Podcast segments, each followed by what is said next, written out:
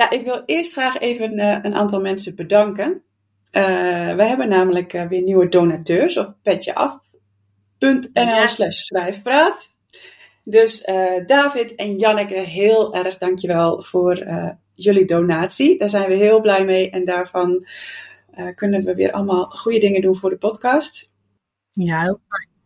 Ja, en dan wil ik nog graag even de aandacht vestigen op het feit dat je op afleveringen van ons in Spotify ook een reactie kunt geven. Sommige mensen doen dat ook al. Uh, bijvoorbeeld over de aflevering waarin Kim zo open vertelt over uh, haar podiumvrees. Daar kregen we een hele mooie reactie op. Uh, iemand zegt: Fantastisch hoe Emmy en Kim op een montere manier over iets kwetsbaars als podiumvrees spreken, zonder iets weg te lachen, zonder sentimenteel te worden inspirerend voor iedereen die gevoelens heeft. Ik vind die laatste echt geniaal. en um, over de aflevering met Dennis Biesma zei iemand: leuke, gezellige, maar ook serieuze en interessante podcast. Kortom, alle elementen voor een boeiende podcast. Nou, dat is toch leuk om te horen? Ja, ik er helemaal van boven. Ja. En de laatste hoor. Um, iemand zei over de aflevering met Lieke van Zeeland van vorige week. Um, Lieke is al jaren een goede vriendin van mij. Trots op haar. Leuk om naar te luisteren. Nou, Lieke, die is voor jou. Ah. Ja, ik word er heel blij van hoor, van dit soort reacties. Ja, ja ik ook. En ik begreep, uh, ja, jij bent van ons tweede statistieke vrouw.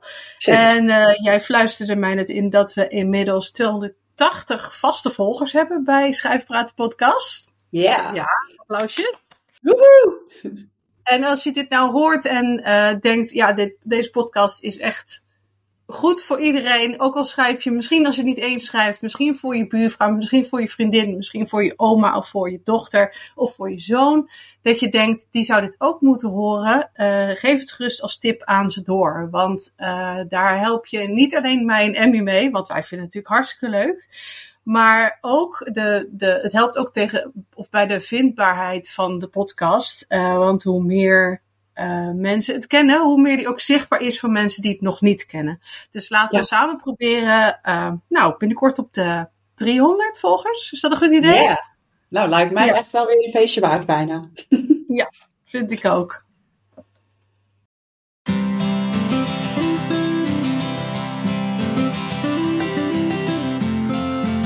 Hoi, welkom bij Schrijfpraat, de podcast. Wij zijn Emmy en Kim en in deze podcast praten wij over schrijven en over alles wat daarbij komt kijken. We spreken boeiende gasten, behandelen interessante onderwerpen en we drinken thee en koffie. En we lachen, dat ook. Vooral om onszelf en onze eigen valkuilen. Want boven alles is schrijven gewoon leuk. Even een kleine disclaimer. Omdat wij de podcast op afstand, dus online opnemen, is de geluidskwaliteit niet van studioniveau.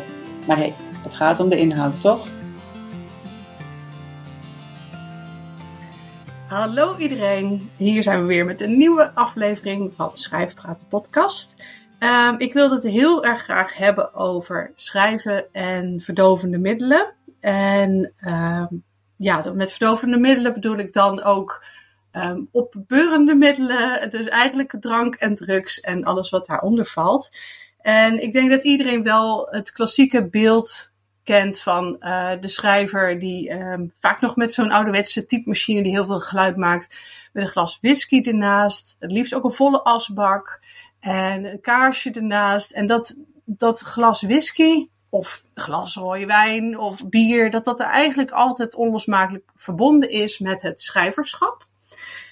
En um, ja, ik vroeg me af of dat zo is. Uh, er zijn natuurlijk schrijvers die bekend zijn om hun uh, genotsmiddelen. Ik weet dat uh, Stephen King heeft On Writing, is een boek over schrijven zelf. Daarin is hij heel openhartig over zijn drankgebruik, maar ook zijn kookgebruik. Als ja. ik het zo uit mijn hoofd zeg, heeft hij volgens mij The Shining volledig op kook geschreven. of op drank, een van de twee. Um, en dat boek heeft hij volgens mij drie maanden over gedaan. En wow. hij kan er heel weinig van het proces herinneren. Uh, maar het gaat ook over een schrijver met, uh, met een, een, een writer's block. Dus ik wilde heel erg graag, ik was heel erg benieuwd naar hoe het zit met mij en met Emmy. En deze combinatie, wat we hiervan vinden. Maar voordat we daar naartoe gaan, uh, had ik een kleine poll op uh, Ware Woordenwereld. Oh ja. Onder uh, de schrijvers, onder mijn volgers.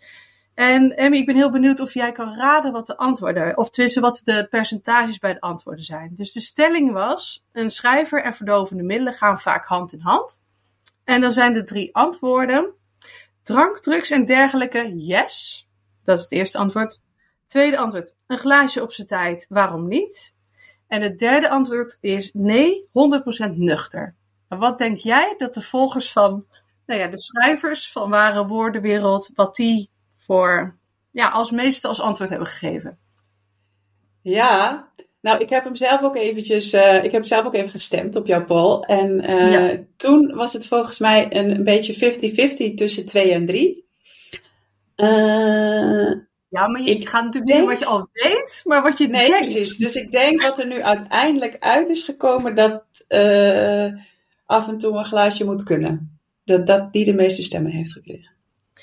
Nou, grappig genoeg uh, was het uh, drank, drugs en dergelijke yes 5%. Kijk, dat zijn oh. de, de feestgangers onder. De maar dat was ja. minst. Ja. En 33% zei een glaasje op zijn tijd, waarom niet? Oh. En 62% maar liefst zei nee, 100% nuchter. Maar wel even klein, dat wil ik dan toch bij indekken. Ik kan me heel goed voorstellen dat um, bij zo'n poll, dat die vooral ook heel erg leuk is om in te vullen als je zelf uh, niet drinkt. Of zo'n zo soort vooroordeel van dat, die schrijver met dat glas whisky, als je dat wilt tegenspreken, ja. als je zelf niet drinkt. Dus dat je dan eerder misschien een reactie stuurt, dan wanneer jouw antwoord is, nou, een glaasje op zijn tijd. Wat, wat natuurlijk heel veel mensen die drinken een glaasje op zijn tijd, is helemaal niks mis mee. Maar dat is gewoon niet zo'n heel erg leuk antwoord om te geven. Dus ik kan me voorstellen dat het niet helemaal een uh, ja, precies. is. Hmm, maar, uh, wat, hoeveel mensen hadden er gestemd? Daar ben ik dan ook wel benieuwd naar. Oh, dat, dat heb ik niet opgeschreven. Ik vermoed dat er iets van 150 waren. Dus, uh, ja, dat is toch een redelijk uh, aantal. Ja, maar ja, laten we er niet de feiten op, op vastleggen. Maar, nee, zeker niet. dus Emmy, vertel eens hoe jij, hoe jij drink jij of Doe je drugs? Of... Schrijf jij? Ja, nou, ik schrijf wel. Schrijf jij? Uh, ik doe geen drugs. Heb ik ook nooit gedaan. Um, en ik drink ook niet. Nooit. Oké. Okay. Nou, bijna nooit. Ik heb uh, met oud en nieuw twee slokjes champagne gehad. ja. En heel af en toe, als ik uit eten ben, wil ik nog wel eens een glaasje wijn erbij nemen. Maar eigenlijk drink ik verder niet. Uh, dus ook niet als ik aan het schrijven ben. Um, en wat bij mij, wat jij net beschreef, van dat, dat stereotype beeld van een schrijver, dat, dat is bij mij, zit daar nog bij, dat die schrijvers altijd s'avonds en s'nachts schrijven. Um, ja. En dat het dan donker en rokerig is om hun heen. En ik schrijf eigenlijk alleen maar s ochtends. Dus. Um, je kunt drinken natuurlijk. Ja, dat zou kunnen. Maar um, uh, ja, dat, dat, ja, ik kan me voorstellen dat als je s'avonds gewend bent een glaasje wijn te drinken en je schrijft ook s'avonds, dat, dat dat dan een soort van combinatie is of zo die past. Maar ja, ik was wel, ik, wat ik wel dacht, ik was het aan het voorbereiden van de week en toen las ik al die ervaringen van mensen die dan wel drinken en schrijven. En toen dacht ik wel, ah, misschien, uh, misschien werkt het gewoon toch ook wel of zo. Want ja, wat, wat, is, wat doet alcohol? Dat, dat ontremt. Dus je durft ja. dingen meer. Je, je, ik, ik ben in mijn hoofd altijd bezig met, ah, deze zin loopt eigenlijk nog niet. Nou ja, um, of dit kan misschien niet, of kan ik dit wel zeggen, of kan ik dit wel schrijven. Of ja, misschien maakt, maakt een beetje alcohol dat best wel makkelijker dan of zo. Maar ja, aan de andere kant. Ja. Um, uh, moet ik ook mijn hoofd er altijd gewoon goed bij houden. En nou ja, omdat ik dus nooit drink, als ik nu één glas wijn drink, dan uh, kun je me wel wegdragen. Dus ja. uh, ik ga het zeker niet doen. Ja, wat ook met, wel met alcohol is, wat, wat ik me wel bij kan voorstellen, is dat het ook meer zelfvertrouwen geeft. Dus behalve ja. dat het ontremt, is het ook, durf je meer. En, en dan heb je ook nog eens de, de ADHD'ers onder ons waar ik een van ben. Um, waarbij het ook nog eens ontspannend kan werken. Dus met, met andere woorden, dat, dat je hoofd vol met chaos daar een soort rust door krijgt. Ja. Dus ik kan me zeker voorstellen dat er mensen zijn die uh, met een paar glaasjes op of, of één glas op daar beter van gaan schrijven. Ja. Um, maar ik doe het zelf ook niet. Ik heb het ook nooit gedaan. Oké. Okay. Tenminste, schrijven onder invloed. Want ik heb, denk ik, alles wel gedaan wat valt onder verdovende middelen en uh, oppeppende middelen. Uh, behalve heroïne. maar verder alle, alle psychedelica, alles wat je maar bij elkaar kunt gooien en uh, tot je kunt nemen, heb ik wel al gedaan. En, um, maar het heeft me nooit op geen enkel moment een gevoel gegeven van, goh, laat ik nu eens achter mijn bureau gaan zitten en dan gaan typen en aan mijn verhaal werken. Omdat hoe leuk ik schrijven ook vind, het blijft toch een soort van concentratie die ik ook met werk heb. En ik wil schrijven helemaal niet zien als werk, maar het, het vergt een soort serieuze toewijding. Um, en als ik een glaasje alcohol op heb, dan denk ik, uh, ja, we gaan lekker staan lullen op een feestje. Weet je, dan ga ik niet achter mijn bureautje zitten. Nee, je hebt daar een hele andere associatie mee. Ja. Ja, dat is wel leuk, want ik heb uh, zelf, um, ik denk 15 jaar in de verslavingszorg gewerkt. Uh, waarvan de laatste, um, nou, bijna 10 jaar met uh, jongeren. Mm-hmm. En wat ik daar heel vaak hoorde, is die, die de, met name de blowende jongeren, die waren er vast van overtuigd dat dat hun inspiratie opleverde. Dat waren ja. dan um, jongens en meiden die veel raps schreven, hè, veel van die veel teksten. En dat konden ze alleen als ze onder invloed waren van, uh, van wiet. Um, oh ja. Dachten ze. En, ja. het was, en dat is wel een hele hardnekkige overtuiging. Dus ik kan me ook wel voorstellen dat op het moment dat je het gevoel hebt dat je beter schrijft als je onder invloed bent van wat dan ook, dat het heel lastig is om, om, daar, om jezelf um, van die overtuiging af te krijgen. Ja. Omdat zeker als je gaat stoppen met iets wat je veel doet, als je het een verslaving kan noemen, um, dan doet dat ook iets met je lichaam en met je hersenen. Ja. En eerst zul je je daar helemaal niet zoveel beter door voelen. Um, dus ja, dan, dan heb je meteen eigenlijk een soort van bewijs voor je eigen theorie. Van zie je wel, nu kan ik het niet meer. Ja. Uh, terwijl het eigenlijk iets is wat je op jezelf eigenlijk opnieuw moet aanleren. Ja, maar dat is ook wat, wat verslaving doet natuurlijk. Jou het uh, Ja. gevoel geven dat je het voor alles nodig hebt. En, um, want je, je drinkt een, een, bijvoorbeeld met rook ook. Je, als je iets te vieren hebt, dan steek je een sigaret op. Maar als je depressief bent of uh, verdrietig bent, steek je ook een sigaret op. Dus eigenlijk Ja. welke emotie je ook voelt, dat middel heb je daarvoor nodig, denk je. En dat is uh, met alcohol natuurlijk zo. En um, met, met drugs ook wel. En dan is het zeker met blowen. Dat is dan het enige ding waar ik nooit echt van ben geweest. Maar ik kan me wel voorstellen dat dat ook een soort. De ruis in je hoofd, de grote chaos, dat dat een soort van kalmeert. En dat je daardoor, door die, doordat het kalmer is met al je gedachten, ook weer die concentratie kunt vinden om een liedje of een, een, een lyrics te gaan schrijven of iets anders te gaan schrijven. Maar goed, het is natuurlijk gevaarlijk om, om zo te denken. Um, want ik las ook ergens, en dat vond ik wel een heel interessante, uh, dat het eigenlijk een driehoeksverhouding is tussen, uh, je hebt dus de schrijvers, en dan ging dit met name over proza-schrijvers, dus de, de mensen die dikke romans schrijven, en alcohol. En het derde punt is psychische problemen, dus met name Ja. depressie in dit geval. Dat um, mensen die depressief zijn, maar aan zich ni- niet schrijven, dat die ook eerder geneigd zijn om naar de fles te grijpen dan iemand die niet depressief is. En dat um, dus misschien wel veel schrijvers drinken, maar dat dat ook dus kan zijn omdat ze toevallig allebei dus die psychische problemen. Dus het is Ja. een beetje. Het blijft een gevaarlijk gebied. Um, kijk, wij zullen ook nooit zeggen van eh, drank is slecht voor je, je moet het niet meer doen. Um, maar we moeten ook vooral niet gaan uh, zeggen dat, dat je het nodig hebt om te schrijven, denk ik. Um, Nee, en ik vind het mooi dat je Stephen King noemde aan het begin, want dat is eigenlijk het mooiste voorbeeld van om die theorie te ontkrachten, denk ik. Die heeft daarna nog, die is eind jaren tachtig helemaal gestopt met drinken, met drugsgebruik en, en alle andere verdovende middelen die hij maar gebruikte. Ja. En die heeft daarna natuurlijk nog uh, heel veel fantastische boeken geschreven. Dus hij kon het op zijn minst wel zonder. Um, ja. Dus daarmee ontkracht hij de theorie dat, je, dat, je, dat, dat hij het nodig had in ieder geval. Maar ik denk dat je dat voor meer mensen zou kunnen uh, doortrekken.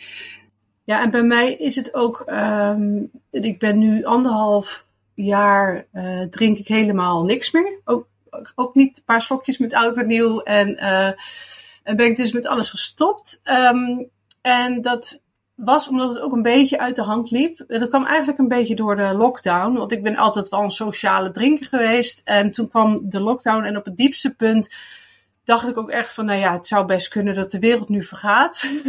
dus waarom niet om een uur of vier een glaasje rode wijn? Ook al ben ik in mijn eentje. Want daarvoor dronk ik nooit in mijn eentje. Was het echt zo, als je samen bent en het is gezellig, dan drinken. En dat is een beetje met lockdown begonnen. En tegelijkertijd was ik toen ook, uh, had je iets heel leuks. Um, dat vanwege de, die, die, internationale lockdown waren er een aantal universiteiten in Amerika waar je normaal nooit binnenkomt, zoals Harvard en zo. Die boden tijdelijk online uh, modules aan van, van hun oh. opleiding. En er was dus ook eentje creative writing.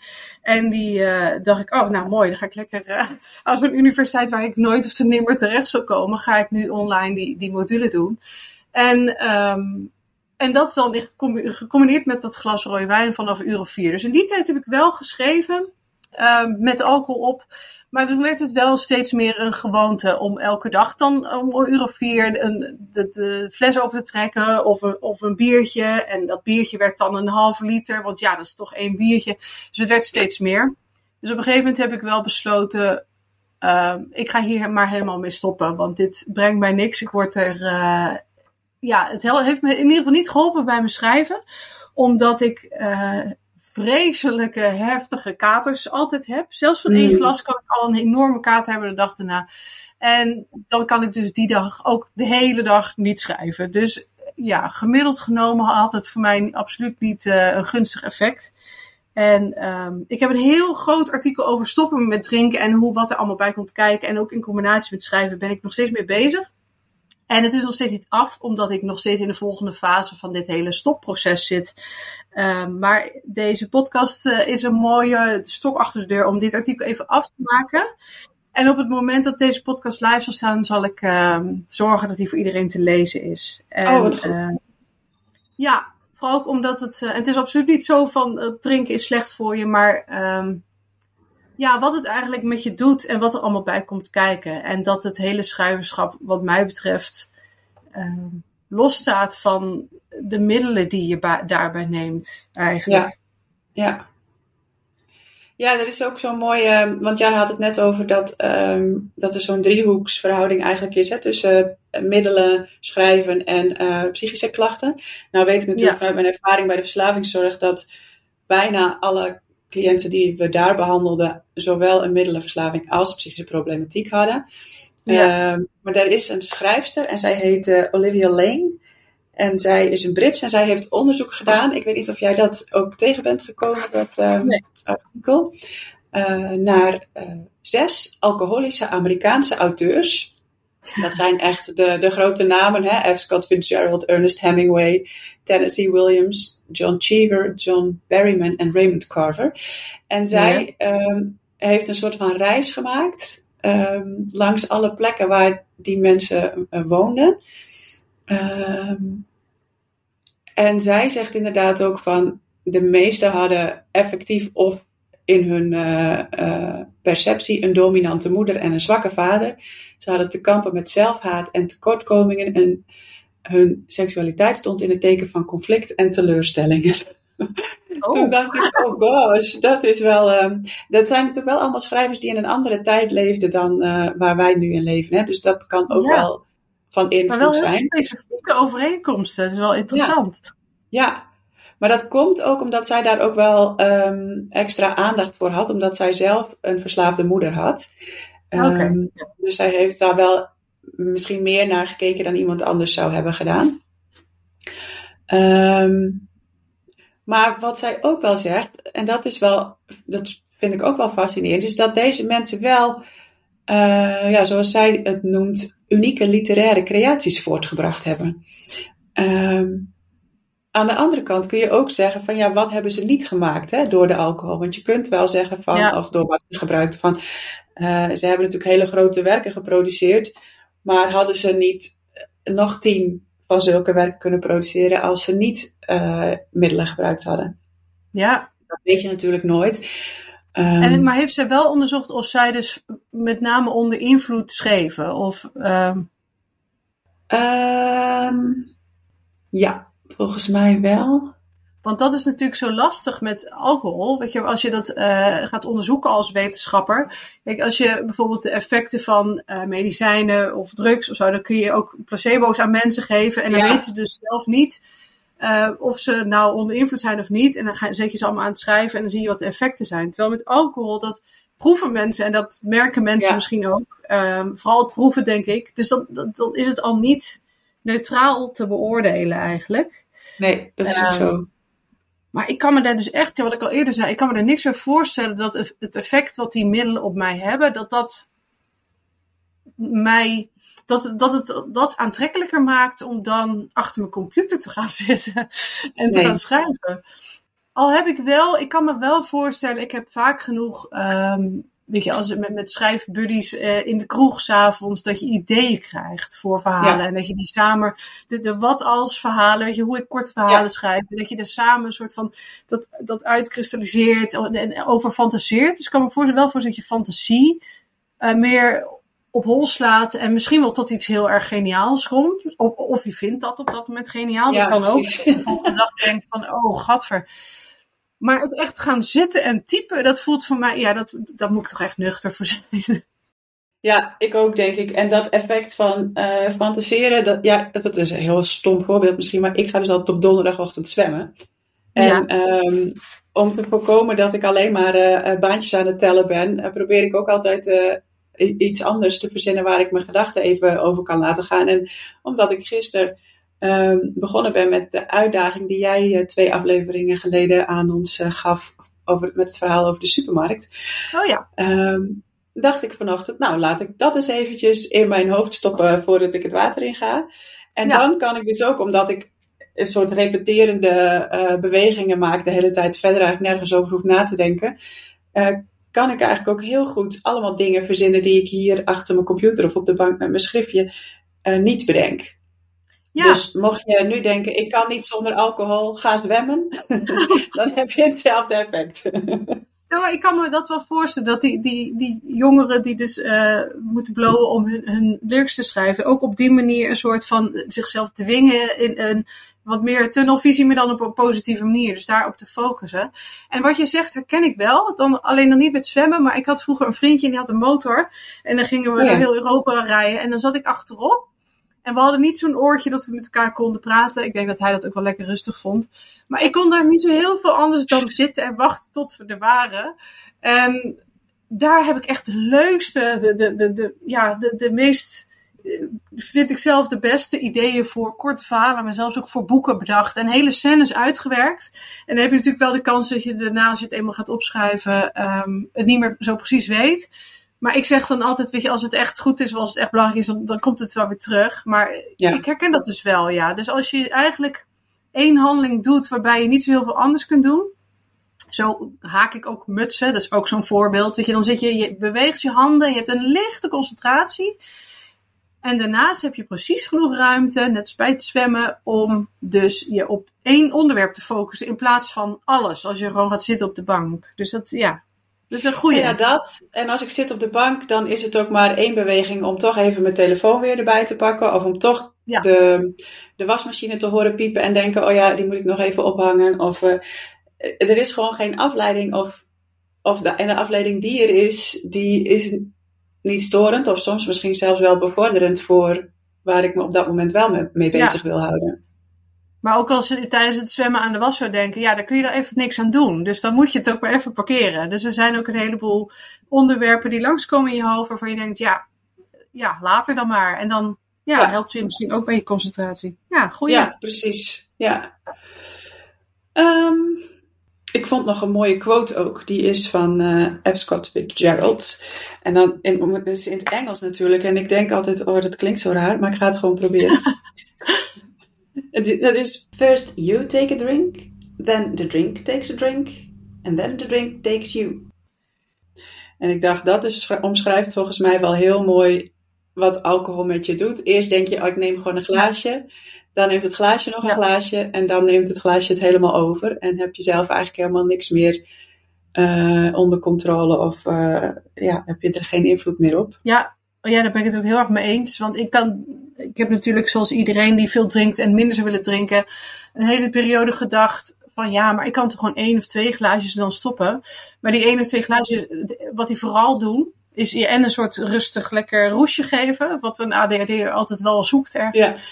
Um, maar vooral ook je principes een beetje weg. Dus ja. mijn principe van één of twee en dan stoppen, dat haalt dat of twee glaasje weg. En dan denk ik, ja, maar het is toch gezellig. En het, ja, wat maakt het nou uit een keertje? En ja. dat is precies wat jij zegt. Dat, dat glas vraagt dan om nog een glas. En daarna ben je een beetje verloren. En uh, ja, ja. ik kan niet ik kan niet maar één glas. Ik zou willen dat ik dat kon, maar ik weet inmiddels dat ik dat gewoon, uh, nee, dan beter gewoon helemaal niet kan doen. Nee, maar ja, dat is ook goed om te weten dan van jezelf. Hè? En dan ben je al een heel eind ja. als je dat weet. Ja. Ja, maar maakt het niet, maakt het niet makkelijker. Maar goed, dat ga ik allemaal nee. in dat, uh, in dat artikel um, benoemen, zodat ik hopelijk anderen er ook mee help. Uh, dat het soms een beetje een eenzame weg kan zijn om te stoppen en de, je omgeving dat niet doet. Nee, klopt. Maar, uh, maar goed. En ik, ik, denk dat dat drinken, vooral omdat het van die grote namen waren die dat dan veel deden, ook wel een soort mythisch iets is geworden of zo. Hè? Dat iedereen, nou, net als wat jij in het begin beschreef, van dat beeld wat iedereen dan van een schrijver heeft op zo'n rokerig zolderkamertje. Uh, ja, zo zie ik dat ook nog steeds voor me. Terwijl als ik naar mezelf kijk, denk ik, nou, het is weinig rokerig. Uh, het is ook wel op de bovenste verdieping, maar geen zolder. Um, maar het is een soort, uh, soort mythe geworden of zo. Ja, en ook een, een idee van vrijheid. Want het ja. is, kijk, ja, je kunt van 9 tot 5 naar je kantoorbaan gaan, waar je natuurlijk niet mag drinken. Maar als je schrijver bent, ja. en je kunt er ook echt van leven, want dat hoort natuurlijk ook bij die fantasie. Ja. Um, dan kan je lekker doen waar je zin in hebt. En als jij s'morgens vroeg een glas whisky wil pakken, dan doe je dat gewoon. Dus het, er heerst ook een soort idee van, oh, die mensen die leven pas echt een, een vrij ja leven waarin ze alleen maar doen waar ze zin in hebben. Dus dat, ja, dat is natuurlijk ook een gevaarlijk uh, beeld. Ja, en ik wil dat ook meteen eigenlijk wel even ontkrachten, want de meeste van die mensen gaan ook heel jong dood. Om het maar even heel uh, kort door de ja. bocht en plat te zeggen. Uh, nou, als dat de kinderen niet tegenhoudt om te gaan drinken. Oma Abby spreekt. ja. Maar dat is, dat is natuurlijk wat er wel vaak vergeten wordt, of wat je dan niet wil zien, want het past niet in je, in je, in je beeld. Maar dat is natuurlijk wel ook de realiteit. Ja, en vergeet ook niet dat, dat, dat ook met, als je elke dag veel drinkt, dat er dan ook heel veel help bij is. Zodat het, ja, je, je, je, leeft misschien je vrije leven, maar of je er nou echt elke dag dolgelukkig onder voelt. Ik, ik denk dat er weinig alcoholisten zijn die dat zullen zeggen. Of drugsgebruikers. Dus, uh, ik, maar ik blijf het zeggen, iedereen moet natuurlijk zijn eigen keuze maken. En ik heb er totaal geen moeite mee als iemand anders wel drinkt of drugs doet. Um, maar uh, ja, maak er wel uh, keuzes in waar je je goed bij voelt. Laat ik het dat dan als een soort uh, wijze raad nog meegeven. Nou, ik vind dat een mooie afsluiting, Kim. ja. Oké, okay, dan laten we het voor deze aflevering hierbij. Dankjewel voor het luisteren. En ja. tot volgende week. Tot volgende week. Superleuk dat je weer geluisterd hebt. Luister jij graag naar Schrijfpraat en wil je ons helpen de podcast te blijven maken? Dan kun je doneren via petjeaf.com schrijfpraat. Je vindt de link ook in de show notes. Met een review of een beoordeling op iTunes of Spotify help je ons hoger in de lijsten te komen en help je nieuwe luisteraars om ons te vinden. Deel de podcast ook gerust in je netwerk of op social media en tag ons dan even. Wij vinden het fantastisch om te weten wie je luistert. Heb je vragen of is er een onderwerp waar jij onze mening of ervaringen over wilt horen? Of is er iemand die jij graag als gast in Schrijfpraat zou horen? Laat het ons dan weten. Bijvoorbeeld via Instagram. Kim-Linsen-auteur en Emmy.